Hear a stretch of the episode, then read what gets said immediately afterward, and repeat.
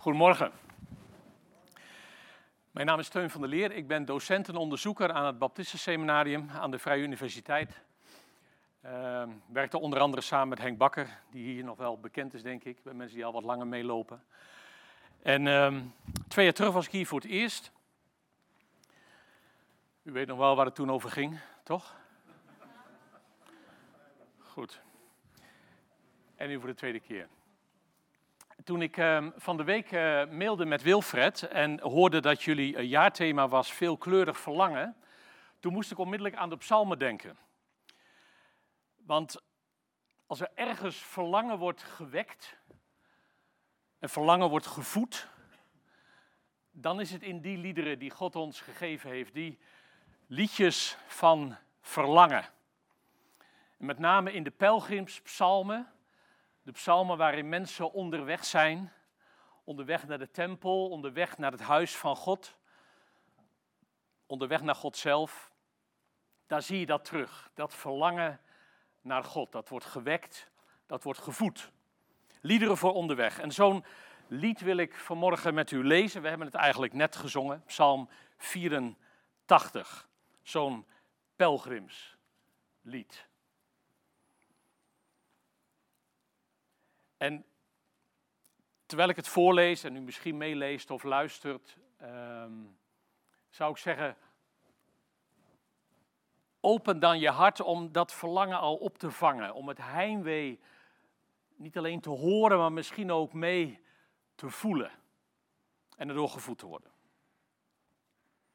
Voor de koorleider op de, weg, op de wijs van de Gattische, Gatitische, van de Koragieten een psalm. Hoe lieflijk is uw woning, Heer van de hemelse machten. Van verlangen smacht mijn ziel naar de voorhoven van de Heer. Mijn hart en mijn lijf roepen om de levende God. Zelfs de mus vindt een huis en de zwaluw een nest, waarin zij jongen neerlegt bij uw altaren, Heer van de hemelse machten, mijn koning en mijn God. Gelukkig wie wonen in uw huis. Gedurig mogen zij u loven. Gelukkig wie bij u hun toevlucht zoeken. Met in hun hart de wegen naar u. Trekken zij door een dal van dorheid, het verandert voor hen in een oase. Rijke zegen daalt als regen neer. Steeds krachtiger gaan ze voort om in Sion voor God te verschijnen. Heer, God van de hemelse machten, hoor mijn gebed, luister naar mij, God van Jacob. God ons schild, zie naar ons om, sla goedgunstig het oog op uw gezalfde. Beter één dag in uw voorhoven dan duizend elders. Beter op de drempel van Gods huis dan wonen in de tenten van de goddelozen. Want God de Heer is een zon en een schild. Genade en glorie schenkt de Heer. Zijn weldaden weigert hij niet aan wie onbevangen op weg gaan. Heer van de hemelse machten. Gelukkig de mens die op u vertrouwt. Wel, als de psalmen liedjes van verlangen zijn, en we hebben er net notabene drie met elkaar gezongen, dan is dit een psalm in optima forma, zou je kunnen zeggen. Hier smacht een mens met lijf en ziel en hart naar de levende God. En wat deze psalmist betreft, moet alles, werkelijk alles daarvoor wijken. En, en, en, dat, dat zegt hij zelfs met een soort retorische overstrek, noem ik dat. Met een hyperbol in vers 11. Beter één dag in uw voorhoven dan duizend ergens anders. Een soort overdreven vergelijking van het een wat heel klein is en beperkt en het ander wat enorm is. Zoals mijn kleinzoon aan me kan vragen: Opel, hoeveel hou je van me? En dan wil hij dat ik antwoord: miljoen. Want dan weet hij dat het goed zit. Het slaat helemaal nergens op, het is ongelooflijk overdreven, maar we weten allebei wat we aan elkaar hebben. En ook dat, dat van beter op de drempel, zo'n rare plek, je bent niet binnen en je bent niet buiten, hoor je er nou wel of hoor je er nou niet bij? Doe je mee of doe je niet mee? Maar toch beter daar, op die wat onwennige, onduidelijke, onheldere, oncomfortabele plek misschien. Maar beter op die drempel, nou ja, dan in die tenten. Bij die comfort. Op die veilige plek. En, en met het gebruik van zo'n hyperbol probeert de psalmist iets aan te geven van de kwaliteit van dat leven met God dat voor hem onvergelijkelijk is. Daarom zegt hij het zo. De vraag is natuurlijk een beetje of dat voor ons herkenbaar is. Het kan natuurlijk ook een beetje vervreemdend werken. Denk je, my goodness, wat een vrome gast. Dat is wel heel diep. Dat is wel heel gelovig. En dat kan ik me goed voorstellen. Je zou er eens over na kunnen denken. Wat is eigenlijk, en jullie hebben dat ongetwijfeld in de loop van dit jaar al gedaan. Ik weet natuurlijk niet waar alle preken er nu over gegaan zijn. Maar er is vast iets herkenbaars in. Dat je, dat je wat getriggerd bent met die vraag van wat is eigenlijk jouw primaire verlangen? We leven in een, in, in, in een cultuur van verlangen, zeggen ze wel. Een, een, een consumptiemaatschappij die ons voortdurend prikkelt en aan ons trekt. En en dingen in ons opwekt.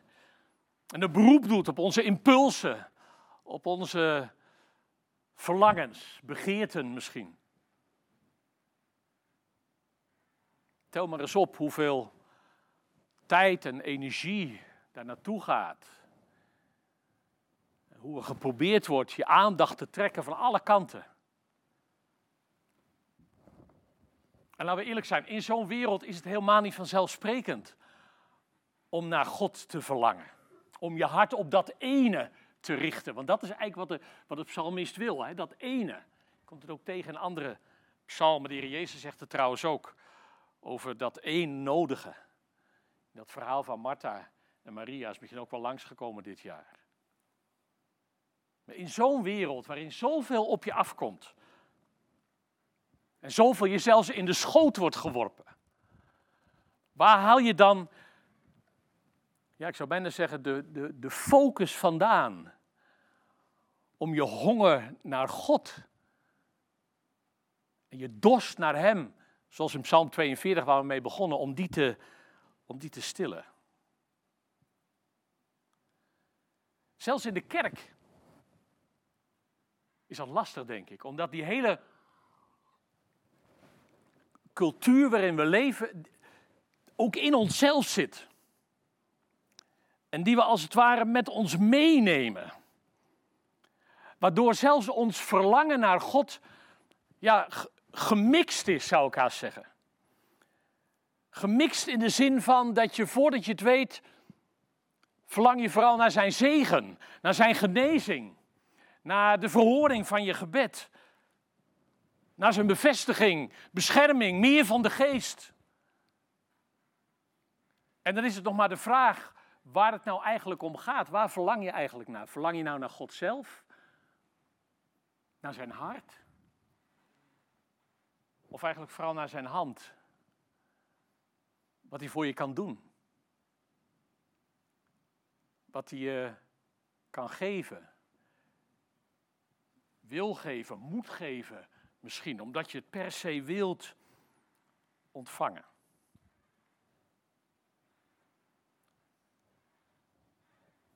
is een boeiende vraag ook die je regelmatig in de schrift tegenkomt. Ook wel op een manier waarin duidelijk wordt dat dat voor ons mensen niet vanzelfsprekend is. Om, om wie gaat het nou eigenlijk ten diepste? Rick Warren begint zijn boek Doelgericht Leven met die vraag. Hè? Of eigenlijk nee, hij begint niet met een vraag, hij begint met een stelling. Een hele verrassende stelling eigenlijk. Het gaat niet over jou. Het gaat over God. Zo begint hij zijn boek, Doelgericht Leven. Je weet gelijk waar je aan toe bent. Bam. It's not about you. It's all about God. En daar gaat hij vertellen. Maar dat schrijft hij wel in een cultuur waar dat totaal niet vanzelfsprekend is. Gaat het ons om God? Of gaat het ons om wat hij ons geven kan, wat het ons oplevert? En daarmee misschien toch eigenlijk wel onbewust, toch wel weer meer om onszelf. Ik denk aan die oude cynische vraag van de Satan in het boek Job die zo herkenbaar is.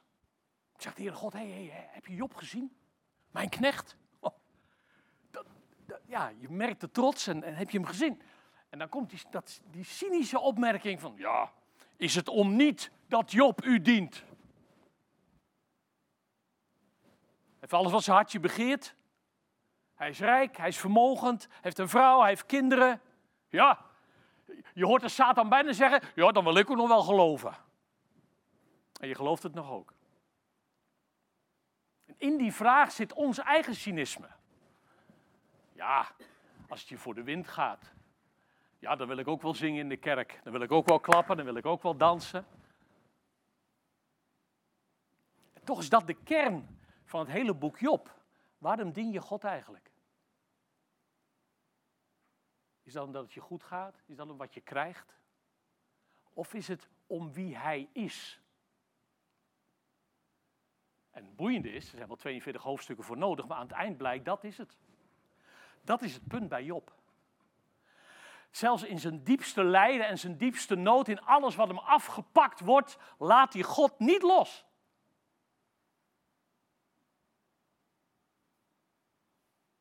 En het leuke is, weet je wel eens opgevallen?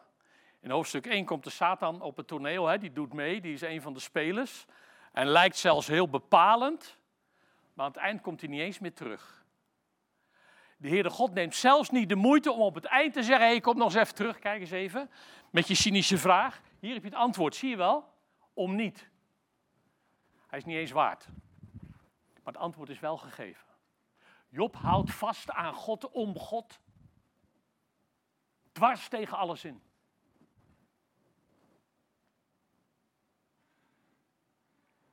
Waarom dienen wij God? Herman Paul, die noemt dat de slag om het hart. Dat boekje zal hier wel eens langsgekomen zijn. Ik begrijp dat de, inleiding, de aanleiding was tot het uh, jaarthema. De slag om het hart. Herman is hoogleraar secularisatiestudies in, aan de Rijksuniversiteit Groningen. En hij noemt secularisatie, dat is zo'n containerbegrip, hè, wat vaak geassocieerd wordt met kerkverlating en geloofsafval. Maar hij noemt secularisatie in dat boek meer, dat, we, dat we meer gewicht hechten aan verlangens die gericht zijn op bevrediging in het hier en nu, dan verlangen naar God. En toevallig, ja, wat is toeval? Ik kwam van de week in de evangelische boekhandel, las zijn nieuwste boekje, is net uitgekomen. Shoppen in Advent, een kleine theorie van de secularisatie.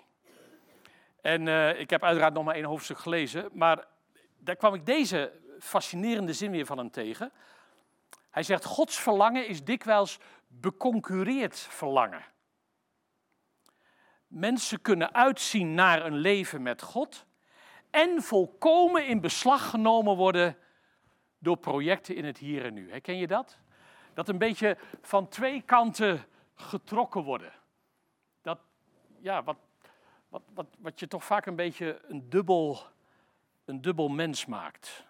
En hij, hij vat dat heel mooi samen in die titel Shoppen in Advent. Advent is de tijd van verwachting, van uitzien naar God. En is ook de tijd dat we meer shoppen dan ooit, want de kerst moet natuurlijk wel geslaagd zijn.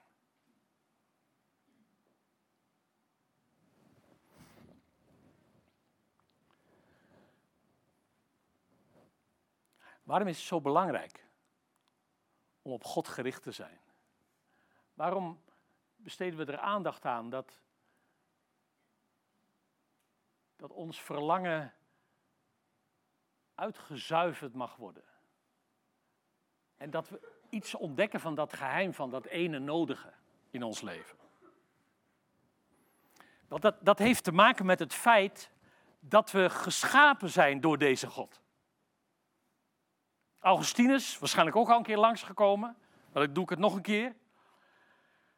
Die schrijft in zijn prachtige beleidenis. Augustinus was iemand die echt volop in de wereld had geleefd, zijn verlangens en zijn begeerten had nagejaagd. En daar toch een, een, een soort gat aan over had gehouden. En die door een wonder eigenlijk, door een, door, door een buurman die zegt: Tolle legen, neem en lees. En we weten nog tot de dag van vandaag niet waar dat eigenlijk op sloeg. Maar voor Augustinus was het de stem van God die zei: Neem en lees. En toen begon hij te lezen. Verhoring overigens van het jarenlange gebed van zijn moeder. En toen kwam hij tot geloof. En daar, en daar schrijft hij over in zijn belijdenissen. Een van de grootste theologische traktaten uit de geschiedenis. Belijdenissen van Augustinus. Op de dag van vandaag fascinerend om te lezen. En het leuke is, het is een theologisch traktaat in de vorm van een gebed. Enorme diepten, maar hij, schrijft het, hij, hij richt zich aan de Heere God. En helemaal in het begin staat zijn beroemde zin, want zo hebt u ons geschapen, gericht op u. En ons hart is onrustig, o God, totdat het rust vindt in u. Daar heb je een antropologie, leer van de mens, en een soteriologie, leer van de verlossing, in een notendop. Want zo hebt u ons geschapen, gericht op u. En ons hart kent geen rust tot het rust vindt in u. En dan noemt Augustinus de mens een verlangend wezen. God heeft ons zo geschapen dat ons verlangen alleen in Hem tot vervulling komt. Dat je alleen als mens tot je bestemming komt als je die honger voedt en de verzadiging vindt bij Hem. Ontdek dat Hij de enige is die je echt verzadigen kan. Waar je genoeg aan hebt. Zoals David dat in zijn meest beroemde psalm, de nachtegaal onder de psalmen wordt hij genoemd. Hij in één zin zegt, de Heer is mijn herder, mij ontbreekt niets. Ongelooflijk uitspraak. Je denkt, ja hallo, kom eens met twee benen op de grond.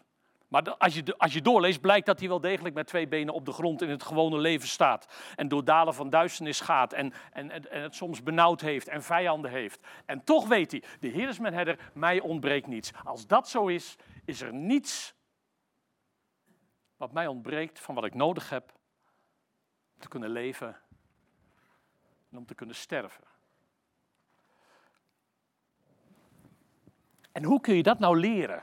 En hoe kun je dat internaliseren? Hoe kun je dat je eigen maken? Hoe kan het ook, ook, hoe kan ook jouw ervaring worden? Hoe krijg je in jouw hart de wegen naar God? Dat is die prachtige zin uit vers 6. Gelukkig wie bij u hun toevlucht zoeken, met in hun hart de wegen naar u. Dan moet je eens opletten wat een leuke woordspeling dat is. Dit is een pelgrimspsalm. Dit gaat over mensen die op weg zijn naar Jeruzalem. En in die tijd was dat niet een zesbaans in je BMW, nee, dat was lopend door de wildernis ook af en toe. En dan moest je je soms letterlijk een weg banen, want dan was het weer overwoekerd geraakt, om daar te kunnen komen. En wat de psalmist nu doet, is zegt, ja, dat is allemaal prachtig en dat is ook belangrijk en ik hoop dat je er komt. Maar waar het echt om gaat, is dat je in je hart de weg weet te banen en te vinden naar Hem.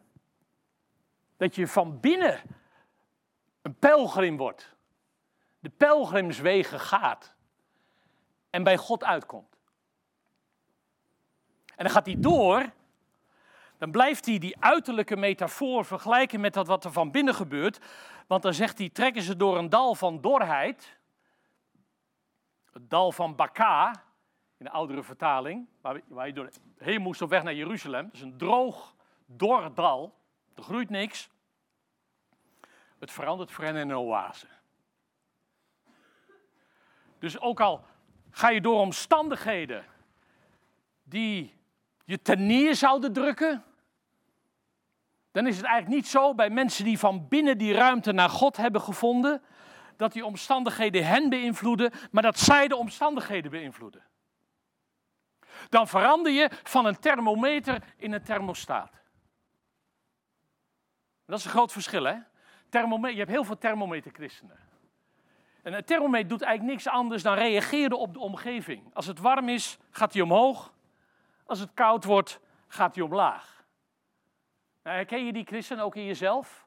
Als het allemaal meezit en als er, misschien ook als, als, er, als er heel veel geloof om je heen is, eh, dan, dan word je ook wat warmer. Maar zodra je er alleen voor staat, of er is tegenslag of teleurstelling, dan zoeft de gevoelstemperatuur van je geloof in één keer naar beneden. Je reageert op wat er om je heen gebeurt. Je kunt ook een thermostaat-christen worden. Het leuke van een thermostaat is, die reageert niet op de omgeving. Nee, die heeft invloed op de omgeving. Gisteravond pasten we op bij onze kinderen. Op onze kleindochter. En we hadden haar opgehaald op een, op een, op een feestje waar ze waren. Dus we gingen met haar naar hun huis. En dat is zo'n oud, ongeïsoleerd Utrechts klein huisje. En dan kom je binnen, is 15 graden. Ja, dat vinden zij blijkbaar te doen, maar uh, ik ben opa, met alle respect. Dus het eerste wat ik doe, is die thermostaat omhoog draaien. En in no time, moet ik eerlijk zeggen, dat is dan wel weer, wordt het dan behagelijk om je heen. Dat is een thermostaat. Thermostaatchristenen zijn mensen die, die de innerlijke krachtbronnen weten aan te boren, weten te vinden, om de omgeving te beïnvloeden ten positieve. Jeremia spreekt er ook over, hè, over zo iemand die als een boom geplant aan waterstromen. Zelfs als, het, als de hitte komt en de droogte, dan verwelkt hij niet. En dan blijft hij vrucht dragen. En dat is eigenlijk het geheim van deze pelgrimspsalm. En dat gebeurt dus onder andere in de liturgie. In het samenkomen. Als een soort tegengif tegen een omgeving die alles lijkt tegen te spreken. Als het om geloven gaat, is dit een plek waar je niet alleen gevoed wordt en je verlangens gewekt kunnen worden, maar waar ze ook omgevormd kunnen worden. Tot Gods verlangens. Onze verlangens zijn niet altijd zuiver. En, en door, de, door als het ware de, de woorden die je hoort, maar die je ook zingt met elkaar, dan kun je ze als het ware naar binnen zingen. Zodat, je, de, zodat de woorden in je hart terechtkomen en daar een fundament gaan vormen. Daar waarheid gaan spreken zingen, maar, maar, alles wat we hier eigenlijk doen als een soort invoerkanaal naar de Heere God toe. Wannenwetsch, een Duitse theoloog, vergeet zijn naam, maar die noemt dat zich den Glauben hineinzingen. Je het geloof binnenzingen. Al zingend, al aanbiddend, al komend voor God, word je als het ware meegenomen.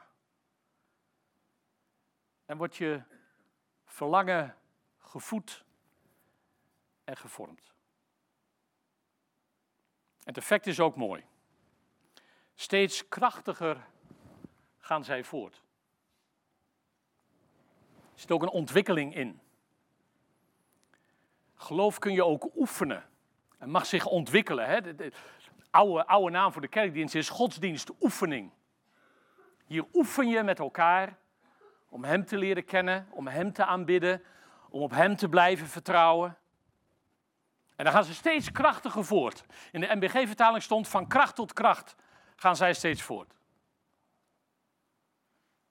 Ik moet eerlijk zeggen dat soms als ik naar christenen om me heen kijk en ook wel eens een beetje naar mezelf, dan denk je, staat dat wel goed? Is dat wel goed vertaald? Moet daar niet staan van klacht tot klacht gaan zij steeds voort? Is dat niet veel herkenbaarder als je naar de kerk kijkt? Er is wat. Veel mensen dat idee ook hebben van kerkmensen. Maar nee, er staat, ik heb het even voor u nagekeken, er staat echt van kracht tot kracht gaan zij steeds voort. Dus van kracht tot kracht vind ik nog steeds beter dan steeds krachtiger. Dat betekent natuurlijk hetzelfde, maar er zit meer dat, die ontwikkeling in. Het heeft te maken met steeds weer terugkeren naar die bron. En, en wat er dan eigenlijk gebeurt is, je krijgt een bron en daarmee word je een bron. Dus je ontvangt en omdat je ontvangt kun je geven. En dat is eigenlijk de pelgrimage van het geloof. En de uitnodiging van morgen is om zo'n pelgrim te worden, te zijn, te blijven. Om zo op weg te gaan. Onbevangen, zegt de psalmist aan het eind. Onbevangen. Daar, eh, dat, is de betekenis, dat is in de betekenis van puur, van zuiver, van onvermengd, van onverdeeld. Op één doel gericht. Daar heb je het weer. Dat is het woord wat hier gebruikt wordt. Onberispelijk werd vroeger vertaald. Maar daar schrokken we altijd een beetje van, onberispelijk. Maar daar zit de betekenis in van op één, op één doel gericht. Die, die, die, die focus. Die we zo vaak missen. En die we kunnen ontvangen. Die, die, die, die gevormd wordt hier in de samenkomst. Die gevormd wordt door een leven van gebed, geconcentreerd gebed. Nou, daar, kun je ook een jaarthema van maken, want zo simpel is dat niet. Zeker niet in onze tijd. Ook weer met, die, met al die afleiding om je heen.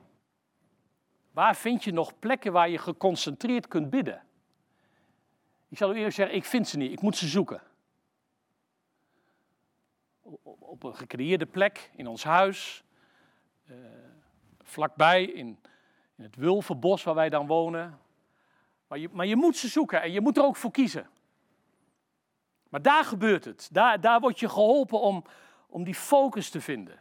Van waaruit je leven dan wel alle kanten op kan gaan. Want het is vanuit die ene bron dat het gevoed wordt.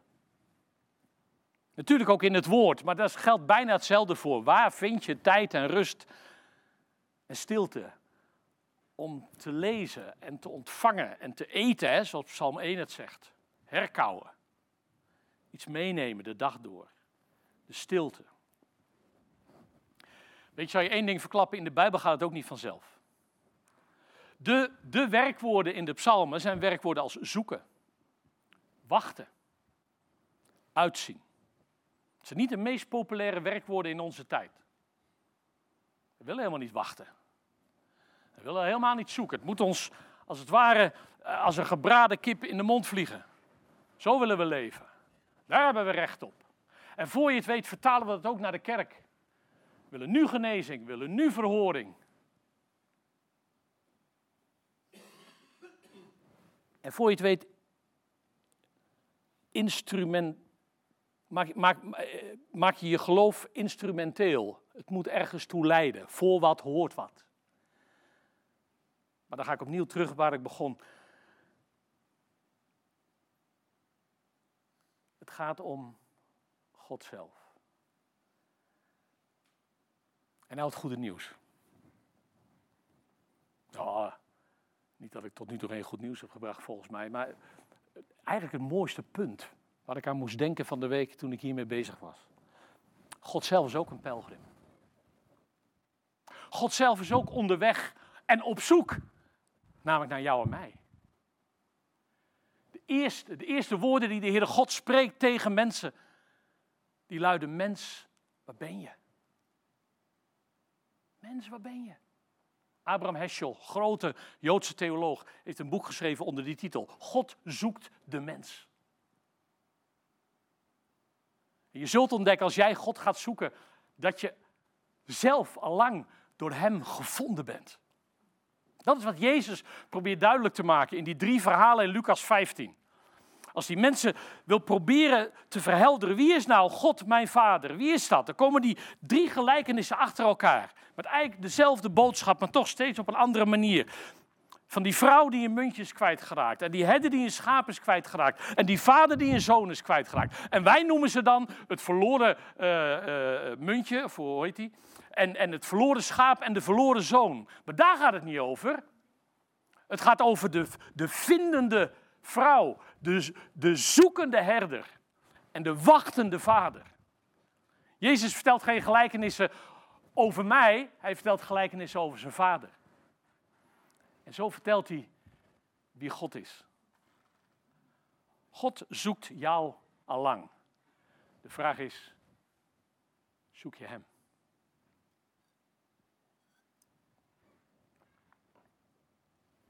Simpele uitnodiging van morgen. Laten we ons den Glauben hineinzingen. Mijn hart wacht stil op u, o Heer. Uw komst verwacht ik meer en meer. Uw liefde houdt mijn ziel gevangen. Naar u gaat al mijn vreugde uit.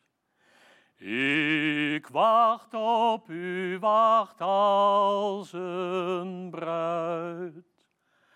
Rijkhalsend hunkert mijn verlangen.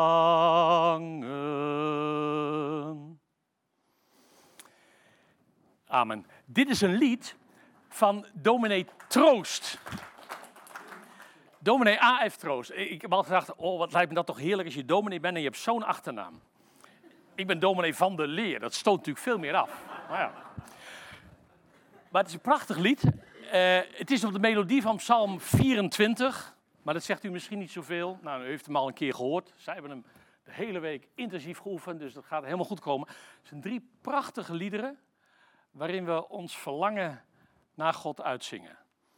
Um, en, en, misschien jullie zijn gewend om staande te zingen. Ik zal het niemand verbieden, maar misschien moet je even, even rustig blijven zitten. goed naar de tekst kijken. En wel proberen mee te zingen. En al zingend je verlangen voelen groeien. Zullen we dat doen met elkaar?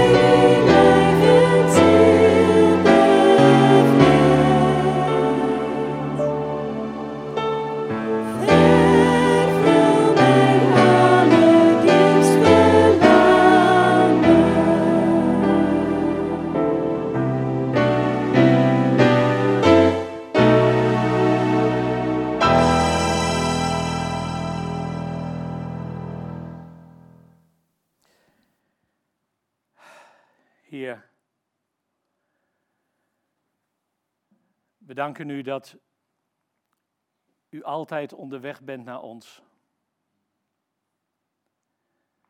En we bidden u dat u door uw woord en uw geest en door de kracht van het lied ons lokt om steeds opnieuw weer op weg te gaan naar u. Huw ons aan elkaar, Heer. U die ons uw bruid noemt, hoe onvoorstelbaar is dat? Bewaar ons ervoor om, om die boot te missen, dat huwelijksbootje te missen. Om dat voorbij te laten gaan. Wek het heimwee. Hier, u weet hoe we hier zitten. Hoe, hoe er ook mensen hier zijn die diep teleurgesteld zijn geraakt. In anderen, maar misschien ook in u. En die daar misschien wel bitter van zijn geworden. En die bitterheid die heeft, die heeft dat verlangen overwoekerd. Die heeft die weg van binnen bijna onbegaanbaar gemaakt. En dan bid ik u, Heer, dat vanmorgen als een wolkje, als een mans hand aan de horizon van hun leven mag verschijnen. Die het verlangen toch weer opnieuw oproept. En die langzaam maar zeker de bitterheid opzij weet te duwen. En heel voorzichtig een weg zich terugbaant naar u.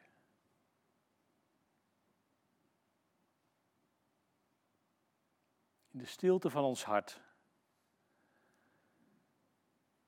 willen we dat nu tegen u zeggen. En nodig ik je uit om dat tegen de Heer te zeggen waar je zit. Misschien ben je zo'n overwoekerde, misschien is je hart vanmorgen wijd open gegaan. Maar spreek je verlangen naar Hem uit in jezelf. Of het verlangen om te verlangen.